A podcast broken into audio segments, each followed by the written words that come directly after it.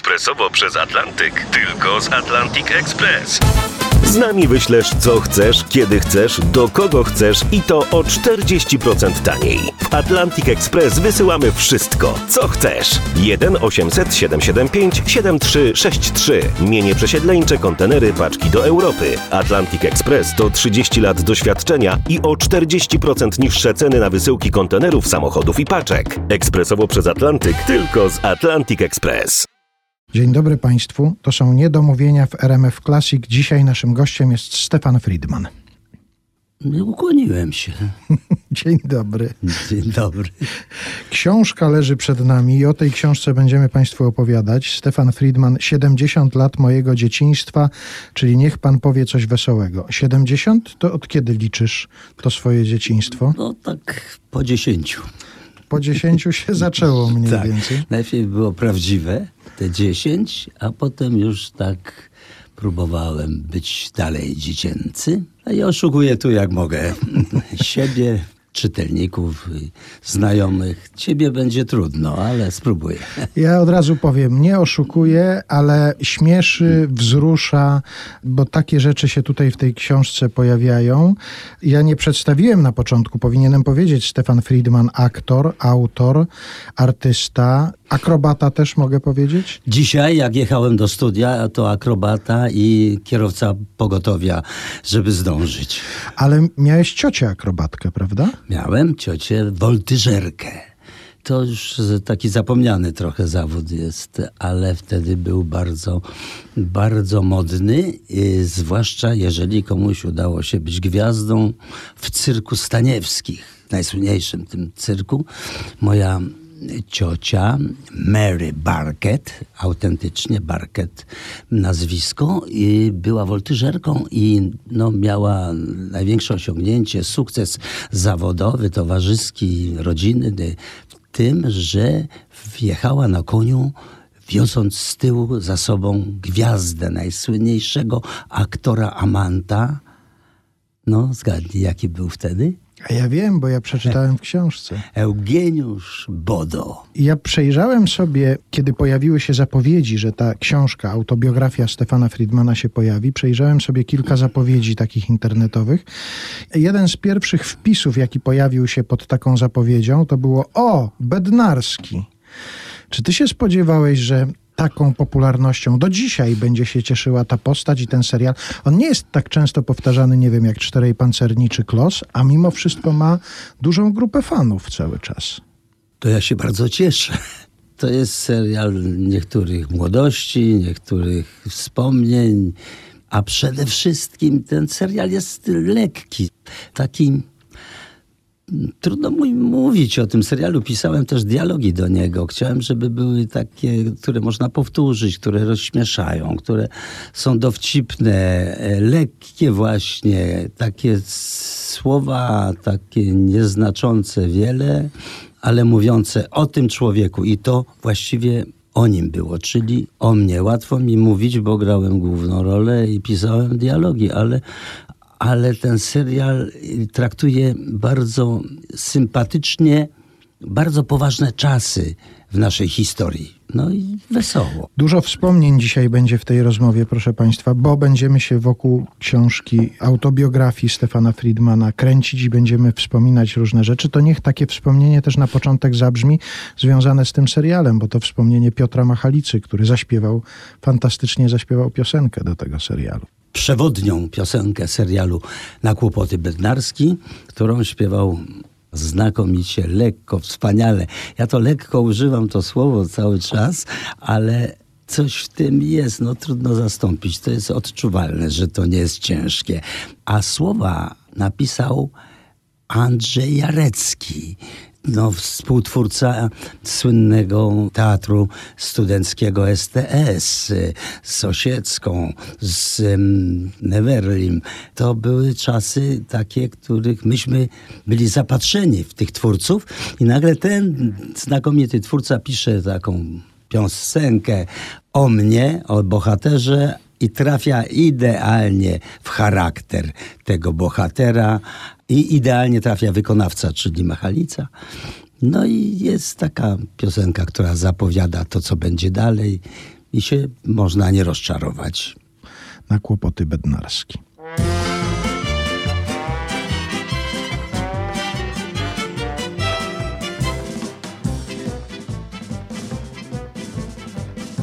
Arseniku czujesz w zupie smak.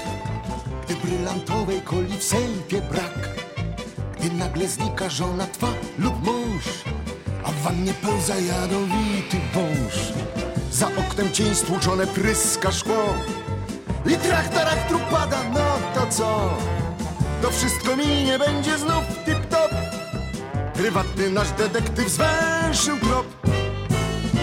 Bednarski zna swój fach i trud wszystko gra, hrebię zergut Bednarski na kłopoty Ma zawsze środek złoty. Czego się martwisz, co ty proste to jak drut. Bednarski na kłopoty Ma zawsze środek złoty. Weźmie się do roboty, zrobi cud. Gdy pachnie kokainą żony szal. Gdy rusza mąż z dziewczyną w siną dal sączy jad w pąsowych kolce róż Gdy zegarowa bomba sieje śmierć Bach, bach i znika tony złota ćwierć. Ty nic się tym nie przejmuj, gwizdać pił Szef przyjemnego mnie i sobie snu. Bo przecież Bednarski zna swój fach i trud. Na wszystko gra hrebię zergut Rzecz cała w wielkim skrócie Zabili go i uciekł. Więc kiwa palcem w bucie w tył i w bok Cała w wielkim skrócie. Zabili go i uciekł. Więc kiwa palcem w bucie w tył i w przód. Konstantynopol, Haga, Gdańsk czy Hel? Mordercę wziąć za mordę jego cel. Sherlocka dziedzic i Megretta syn. Armia nie sprosta mu państwowych glin. Choćbyś niewinny był i nie miał skaz Znajdzie poszlaki nasz dedukcji as Choćbyś był czysty jak panieńska łza Nie masz alibi, strzeż się go jak psa. Bednarski to detektyw nasz. Nie będzie Niemiec plumu w twarz. Bednarski na kłopoty Ma zawsze środek złoty. Czego się martwisz, co ty Bednarskiego znasz? Rzecz cała w wielkim skrócie. Zabili go i uciekł. Włożył papucie i znów pełni straż Stefan Friedman dzisiaj u nas w Niedomówieniach w RMF Classic.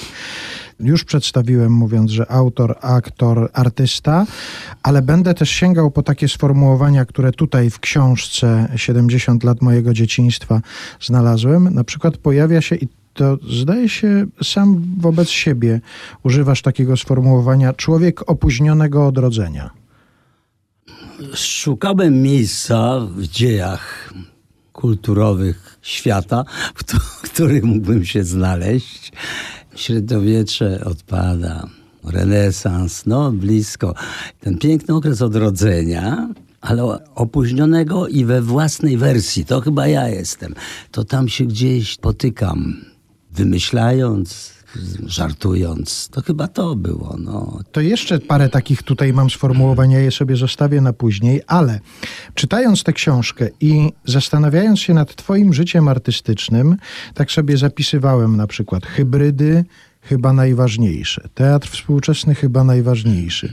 I tak doszedłem do wniosku, że u ciebie chyba wszystko jest najważniejsze z tego zawodowego życia, które tak się potoczyło. No bo hybrydy, teatr, radio, właściwie wszystko jest dokładnie na tym samym poziomie ważności u ciebie w życiu. No w tych czasach. No tak, tak. Wtedy tak się to li, liczyło w takiej kolejności, ale, ale to albo biorę na karb tego mojego szczęścia nieustającego, o którym też piszę, albo po prostu miałem takie możliwości. Nie powiem, że tak mi to spadało z nieba. Trochę się starałem, ale przez y, rodziców, przez znajomych, przez ja tu opuszczam słowo talent. Opuszczam, bo nie chcę się narazić, ale gdzieś to nie był talent, tylko to było takie wyczucie co ja mogę zrobić? Wyczucie, ile mogę tego zrobić?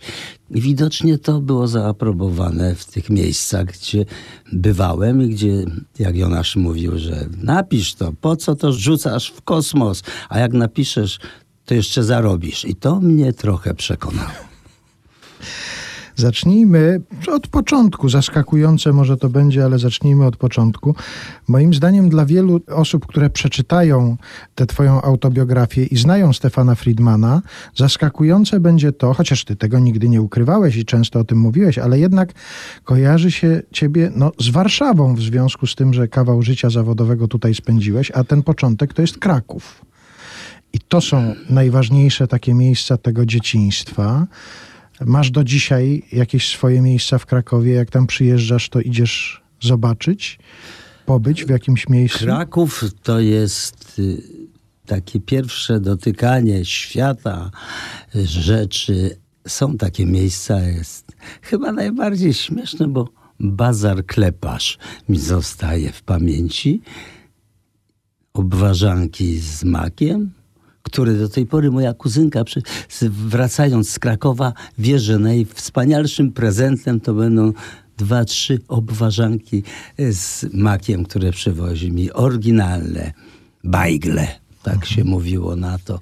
To były pierwsze takie doznania, patrzenie na, na ludzi, na świat, na no już y, edukację uczyłem się w pierwszej klasie. To była szkoła imienia Jagieły, Władysława Jagieły. Potem w Warszawie miałem szkołę jego żony, Jadwigi Królowej. Też jakoś tak dziwnie, tak jakbym sobie układał to życie. Mam takie uczucie, że wszystko, co się staje dalej, to ja wiem o tym, że się to stanie i się staje, ale efekty są różne. To nie jest zawsze wspaniale. Te egzaminy, o których tutaj z bólem piszę i się przyznaję do tego, co nawyrabiałem. No i, i w tym Krakowie lubię plazmatejki, ten bazar, kleparz, targ, brama floriańska, sama ulica floriańska z mm, wystawami domorosłych malarzy. To pamiętam, oglądałem bardzo zainteresowaniem te obrazy. Myślałem, że może sam bym namalował, ale okazało się, że nie. Mój tata miał zdolności i do końca dawno już o tym zapomniałem, ale ale malował. Malował, jeździł do Chorwacji, malował sobie pejzaże. Ja tego nie potrafiłem, ja tutaj potrafiłem e, wyrzeźbić coś, ale... A masz jakieś obrazy taty? Mam. Mam obrazy taty i zawsze pozdrawiam je, jak przechodzę koło nich. A jeszcze wracając do Krakowa, Warszawska 7, zaglądasz tam czasami? Tak, zaglądam, ale y, z rozczarowaniem. To jest nie ten dom. Do tego domu dobudowano jeszcze ogromny taki, taką kamienicę. To mieszkanie na parterze dziadków zostało przerobione na sklep z butami. To, to mi sprawiło przykrość. Pamiętam, stałem i nie mogłem wejść. Wspomnieniami do środka nie mogłem wejść, bo było napisane buty tak jak napisałem, że ktoś z butami wszedł w moje dzieciństwo.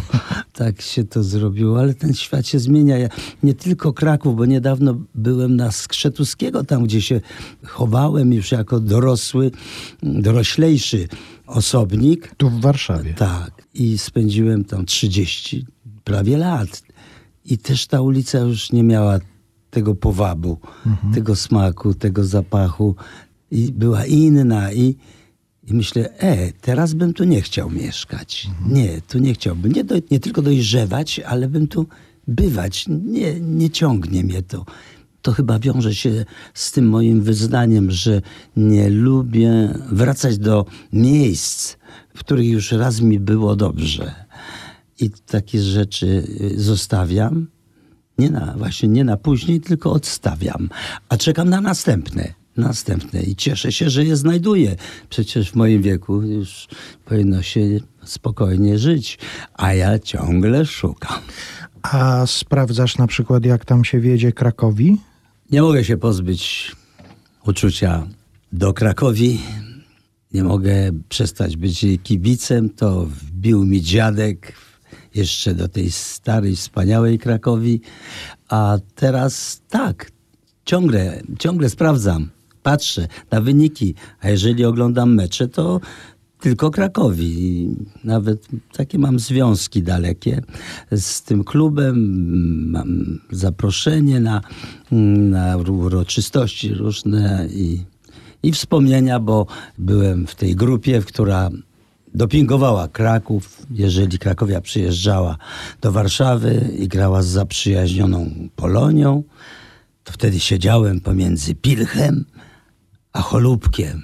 Jej, jakie to wrażenie było. Pierwsze to, że siedzę między nimi, a drugie to, że dopingujemy tą naszą Krakowię. Pytali się podobno Pilcha, jak się oglądało ten mecz, a Pilch powiedział, a Jerzy Pilch powiedział, nie wiem, Friedman cały czas coś gadał.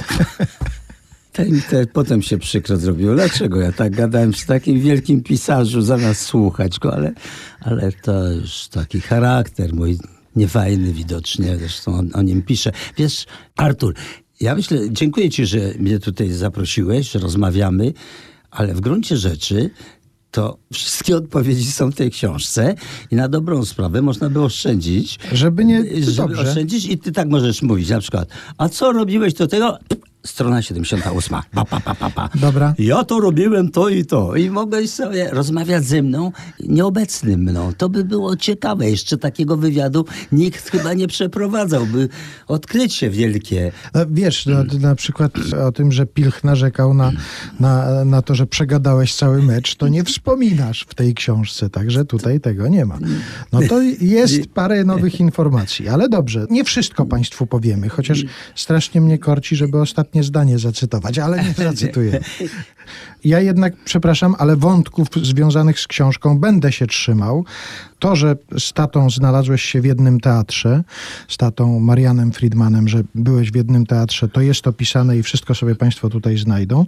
Ale czy były takie sytuacje, kiedy byliście we trójkę razem na scenie, to znaczy i mama, suflerka, i tata, i ty?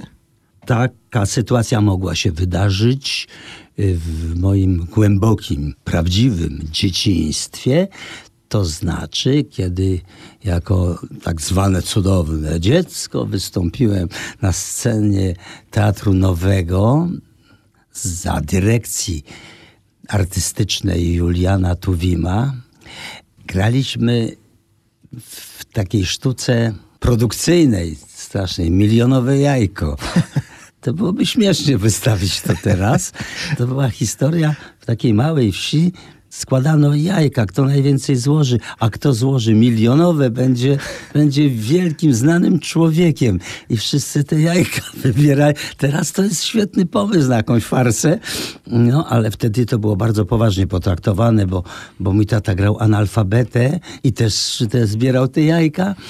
Ja byłem takim no, chłopakiem, któremu też zapachniała tam sława, żeby zostać milionowym zbieraczem tego milionowego jajka. Tam grał Witold Sadowy, tam dużo aktorów grało takich, którzy mieli wspaniałe nazwiska i osiągnięcia w zawodzie, a tutaj graliśmy takich. I wtedy no, najprawdopodobniej mama była, siedziała w budce i nam pomagała przy zaniku pamięci. I to wtedy tam Tuwima poznałeś? Wtedy tak, wtedy Juliana Tuwima poznałem. Tata mnie przedstawił dyrektorowi teatru. Tuwim siedział, pamiętam, w pierwszym rzędzie na próbie. I to powiedział tata, no co mógł powiedzieć, to pisze o tym, co mógł powiedzieć do Gamonia Małego. A to jest pan, który napisał Lokomotywę. Ten utwór znałem, nie tylko ja wtedy.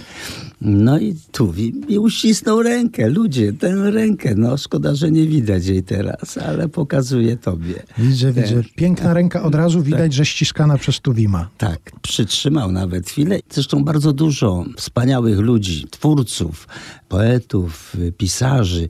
Wymieniliśmy Jerzego Pilcha, Tadeusz Różewicz brał w tym udział w mojej edukacji naprawdę Osiecka, już nie wspomnę, chociaż byłem dużo młodszy od, od Osieckiej, to jednak też y, przekazywała mi coś. Jak piszę tutaj, zbierałem, ludzi zbierałem. Nie zbierałem pamiątek dużo, ale zbierałem ludzi wokół, którzy byli wokół mnie i którzy mi coś przekazywali.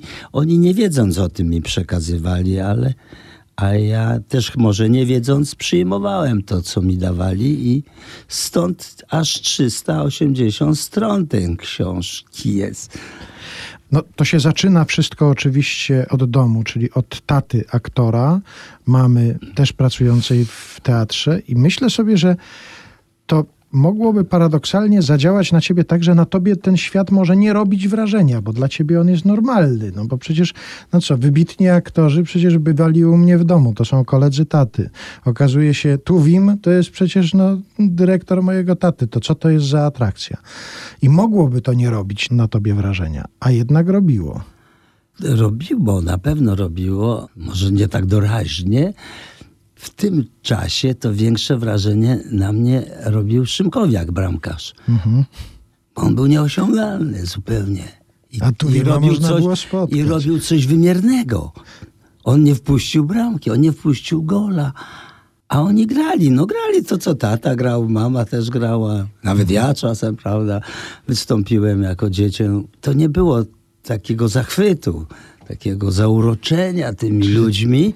Teatr to było coś powszedniego, a piłka to było misterium. Tak, a zwłaszcza, że ci wielcy aktorzy traktowali mnie jako dziecko, jako dziecko Friedmanów, no. Ma- Mały Stefek, mały Stefek. No to ja też, wujku, wujku, ciociu, ciociu, no to jaki to zachwyt, że, to, że on grał w dzia- dziady, że grał Konrada, że, gra, że grali, pamiętam, co to było, Zielony Gil, taka sztuka była, y, Tristo Moliny, Zielony Gil i tam były, bardzo mi się podobały, bo były pojedynki na szpady. A ja zawsze marzyłem, że albo bramkarz, albo żebym zagrał w sztuce, w której właśnie jest pojedynek na szpady. No i oczywiście ja ostatnim sztychem przebijam tego złego. Ale nie doszło do tego.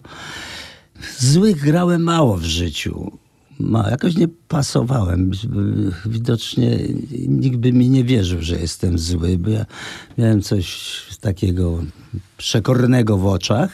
Pod kinem Moskwa sprzedawałem bilety jako młody, nauczyłem się konik. To był pierwszy mój zawód, a pamiętam, że tam się mówiło, jak był kryminalny film, da pan dychę, bo jak nie, bo jak nie to powiem, kto zabił. I miał za swoje skąpstwo. Te nazwy już się pojawiły tutaj, ale ja chciałbym do nich na chwilę teraz jeszcze wrócić. Hybrydy, teatr studencki, z którego się wywodzisz i od którego dużo rzeczy się potem w twoim życiu zaczęło. Chciałem spytać na początku, czy pod hybrydami stała twoja Lambretta albo Vespa? No, gdyby tak było, gdyby tak było, to nie wiem, czy z tyłu by nie siedziała najładniejsza. nie, to było marzenie jeszcze. Nie zapominaj, że ja byłem w studenckim teatrze, ale się przeszwarcowałem, tak? Będąc uczniem dziesiątej klasy dopiero. Ja byłem licealistą.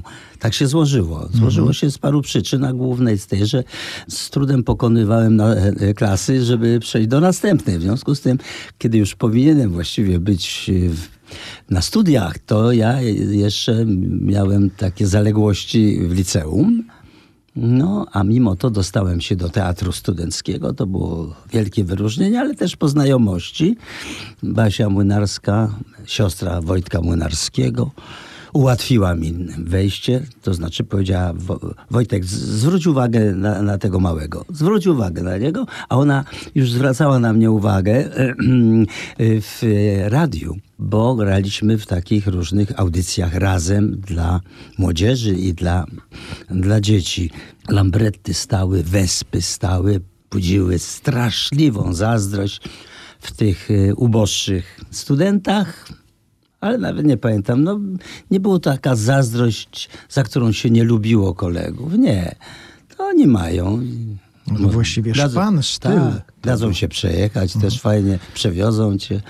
Niektórzy byli rajdowcami początkującymi, niektórzy już zaawansowanymi i stawali swoimi brykami przed hybrydami. No wtedy można było parkować wszędzie. Rozmarzenie w głosie się dało wyczuć tutaj.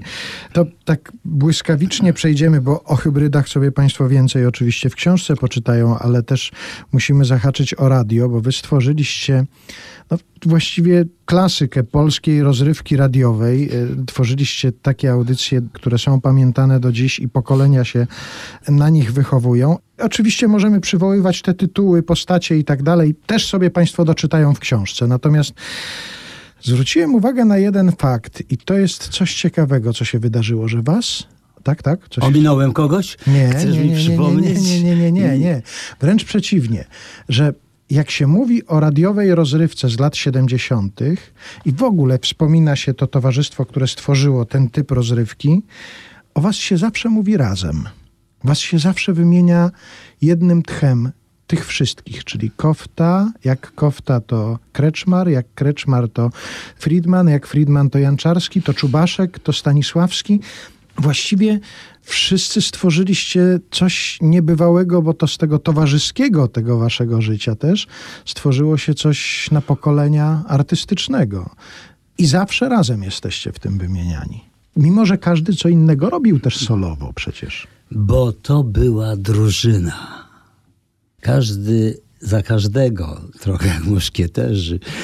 To była drużyna, tak, jak sportowa drużyna. Się, no ten lepiej grał, albo wpadł w oko bardziej, strzelił bramkę, ale tutaj nie było takiego indywidualizmu. Każdy miał to, co lubił robić i co mu najlepiej wychodziło. To teraz mi powiedziałeś, bo to nawet nie, nie zwróciłem uwagi. Myślałem, że, że graliśmy po kolei. Każdy wchodził, nagrywał swoje, a potem się okazywało, że to było razem wszystko. Tak, masz rację. Razem byliśmy i nikogo się nie wyróżniało w tym specjalnie. No i to chyba była zaleta. Mimo, że oczywiście tworzyliście pewne jakieś, no ciebie od razu się kojarzy z Jonaszem Koftą z tych cykli, które robiliście razem w radiu, natomiast rzeczywiście potem jak się myśli o tym, co zrobiliście, to to jest ta cała grupa, do której jeszcze należy zaliczyć Jerzego Markuszewskiego, no bo on temu wszystkiemu patronował, reżyserował. e, Dowodził, tak. Łza się kręci wokół, jak, jak się mówi o, o tym, co się słuchało, co się pisało, co się mówiło i jakie było towarzyskie życie wtedy. Fantastyczne. Zbliża się teraz też promocja książki o Jacku Janczarskim, gdzie też udzielałem się, bo, no, bo razem pracowaliśmy. Udzielałem się we wspomnieniach Mani Janczarskiej, córki, która to złożyła i zrobiła i będziemy wspominali to niedługo wspólnie. Tych, co odeszli. I takie mam dziwne o uczucie, że ja właściwie jeden zostałem z tej grupy, ale pocieszam się, że to oni załatwili mi, żebym został. Już widzę, jak to było. Stefek, ty zostajesz, bo ty fajnie będziesz o nas mówił. Ty jak opowiesz coś, to będzie... To znaczy, że był sens w tym, co robiliśmy. Tak, doszli do tego i zostawili Stefka tutaj i masz go teraz tutaj przed sobą i mikrofonem. No i daję teraz to, co umiem, co mogę.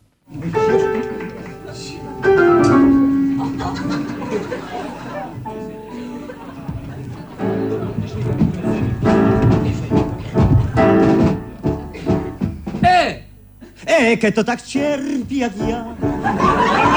Kto złamany los ma? Kto wygląda jak łach? Proszę spojrzeć, słów brak O, tu mnie się przeciera To się stało przez ciebie Chociaż miałaś jak w niebie. Nie wzruszyły cię łzy. Coś zrobiła, ech ty. Odepchłaś mnie. Tego ci nigdy nie wybaczę. Odepchłaś mnie. I śmiejesz się, kiedy ja płaczę. Odepchłaś mnie, tak się nie robi nawet z psem. Odepchłaś mnie. Bo ja byłem mało męski. Pożyciowe miałem klęski Pół sierota bo śniadanka ci robiłem. U nóg twoich byłem pyłem, pyłem, byłem, wszystko.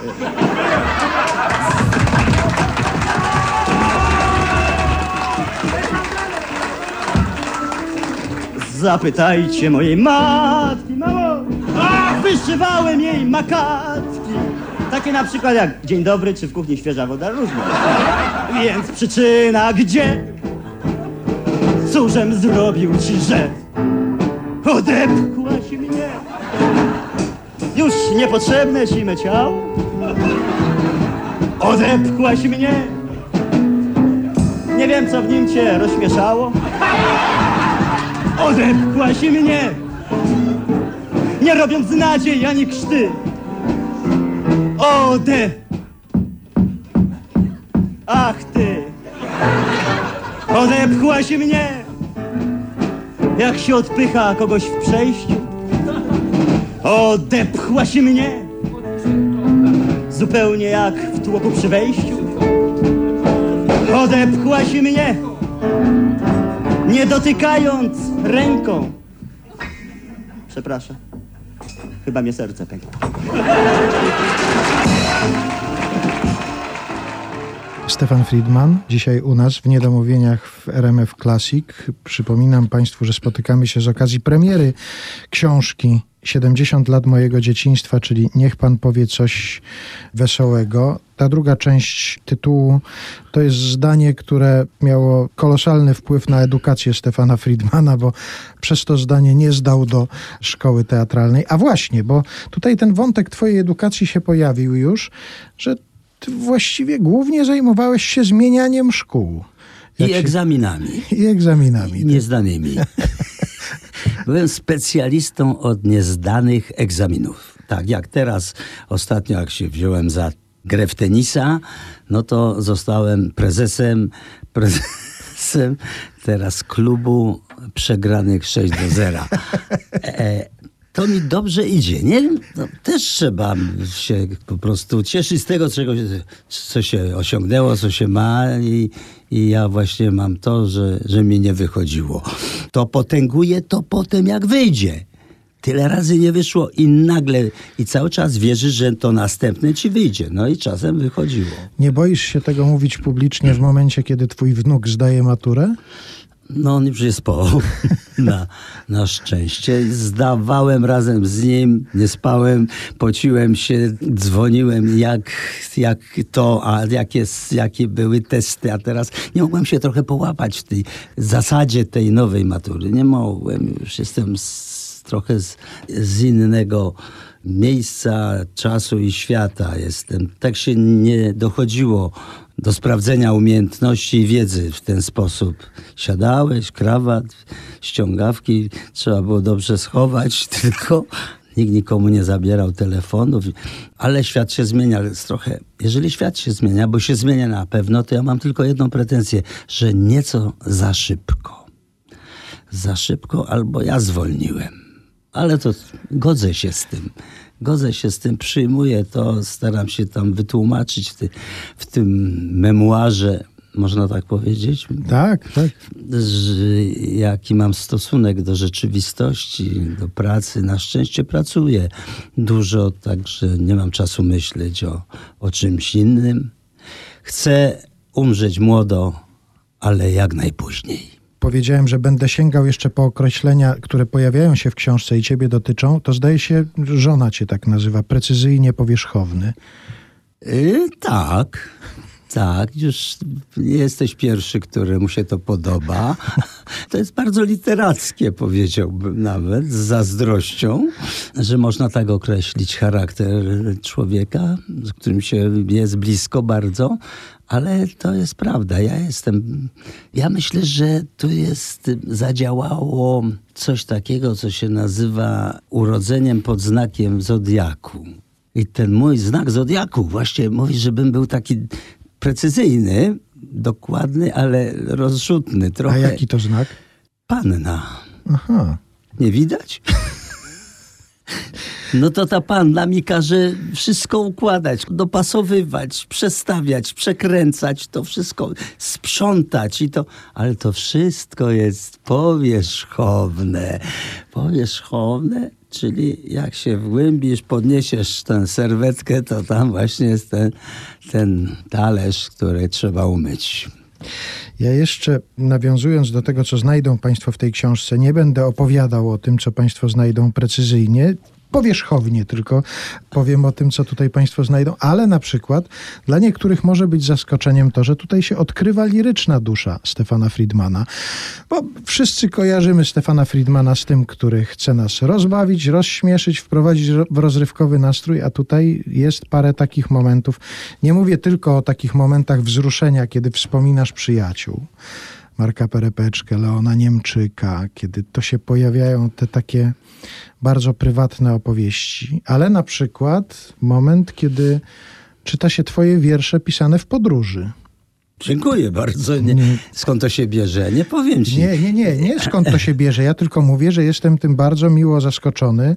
Nawet chciałbym cię poprosić, żebyś jeden z takich wierszy przeczytał. Możesz to zrobić? Oczywiście mogę. To... Bo oczywiście państwo mogą kojarzyć A podróżnika. ty nie chcesz przeczytać? A ja wolałbym, żeby autor przeczytał, bardzo proszę. Słuchacze radiowi pewnie mogą kojarzyć podróże Stefana Friedmana z kwadratowym globusem i pepegiem z gumy, a tutaj się okazuje, że tu zupełnie inne wrażenia z zupełnie innych podróży. To jedno mogę, czy dwa, czy które? Bardzo proszę, jedno albo dwa. Panie Gaudi, tak nie można, nie wypada. To jest przecież niepoważne. Jak w tym mieszkać? Jak to czcić? Kasamila, co kominy ma z polipów, jakby jeszcze niegotowy dom poruszył wiatr od morza. A Sagrada, pan wybaczy, powiększony dziecka zamek zbudowany z piasku w słońcu. Nieskończony, bo piastunka miała randkę z porucznikiem. Syrakuzy. Okruch starożytności spadł na tę wyspę. Rozsypał się piaskowcem po placach i uliczkach, zestarzał domy w starości i drzewa w pragnieniu wody. Kolumnami kiwa na wietrze, a dumnym posągom każe patrzeć niewidzącymi oczami. Majorka. Nie byłem na Majorce. Był Fryderyk. Przypłynął z Barcelony statkiem El Majorkin. Pojechał tam, bo za parę godzin słońca oddałbym parę lat życia, powiedział. I podziękował mazurkiem Emol opus 41.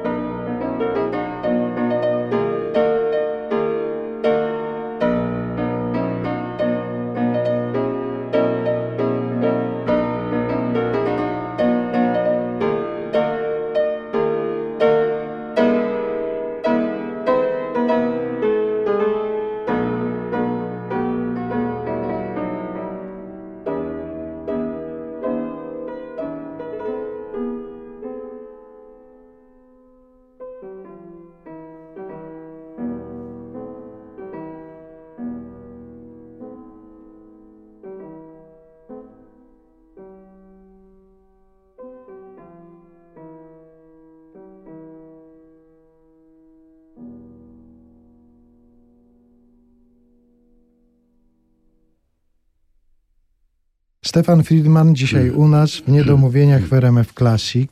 Jeszcze właściwie taki wątek moglibyśmy poruszyć, ale to na inną okazję i zresztą pomyślałem sobie, że świetnie by ci się na ten temat rozmawiało z e, człowiekiem, który niedawno gościł w Niedomówieniach, dyrektorem warszawskiego zoo Andrzejem Kruszewiczem, bo tutaj zauważyłem wątek ornitologiczny w twoim życiu, że jest dosyć ważny.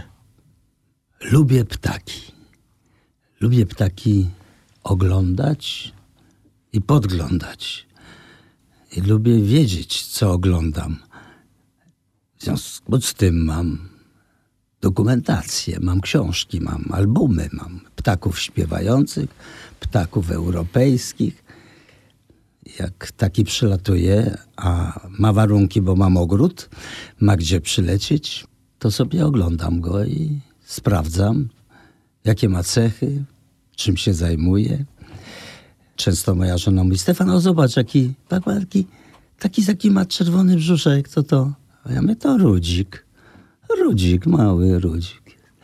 Na przykład są bardzo rzadkie różne ptaki, które przylatują, a zimą nawet częstuję je, robię otwarty bar, szwedzki stół i sobie korzystają. Ptaki się zwołują, że u Friedmanów impreza. Ale potem jest zasada, w lecie nie wolno karmić, w lecie trzeba się samemu utrzymać. I, no i niestety to samo jest z ludźmi. Jak dostajesz, to nie na zawsze. Musisz też się postarać sam.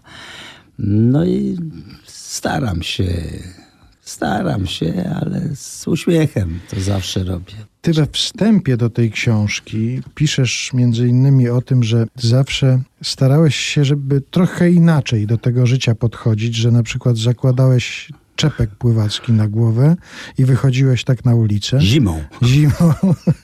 No tak, bo latem to No, trzeba się tak, to tak, co drugi chodzi. Tak, tak, tak. No więc, I mówisz coś takiego. Uważałem, że świat jest szary i smutny i muszę to zmienić. I chciałem ci powiedzieć, że dzięki tobie trochę się to udało. Ja nie chciałbym popadać w patetyczne tony na koniec, ale to nie jest patos, to jest prawda to, co mówię. Także bardzo ci za to dziękuję, za 70 lat twojego dzieciństwa i liczymy jeszcze na, na wiele lat twojego dzieciństwa.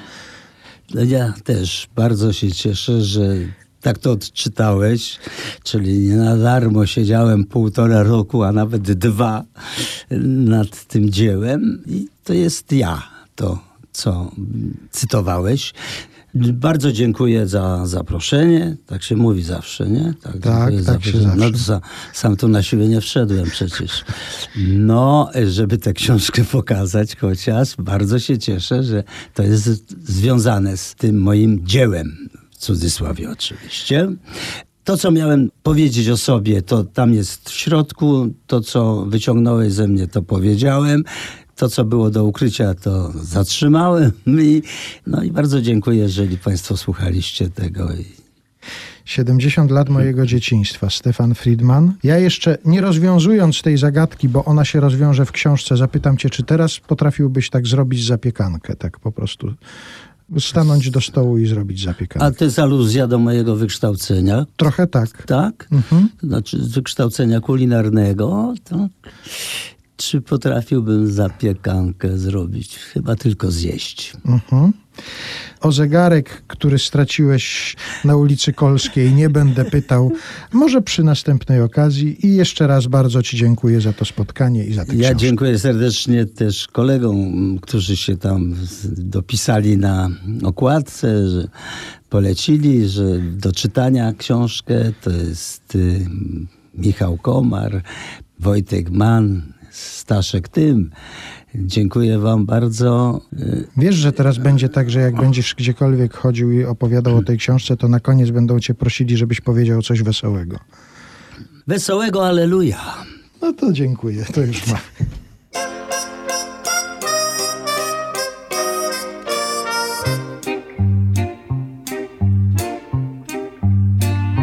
Siedzi z bratem brat przy stole, siedzi z bratem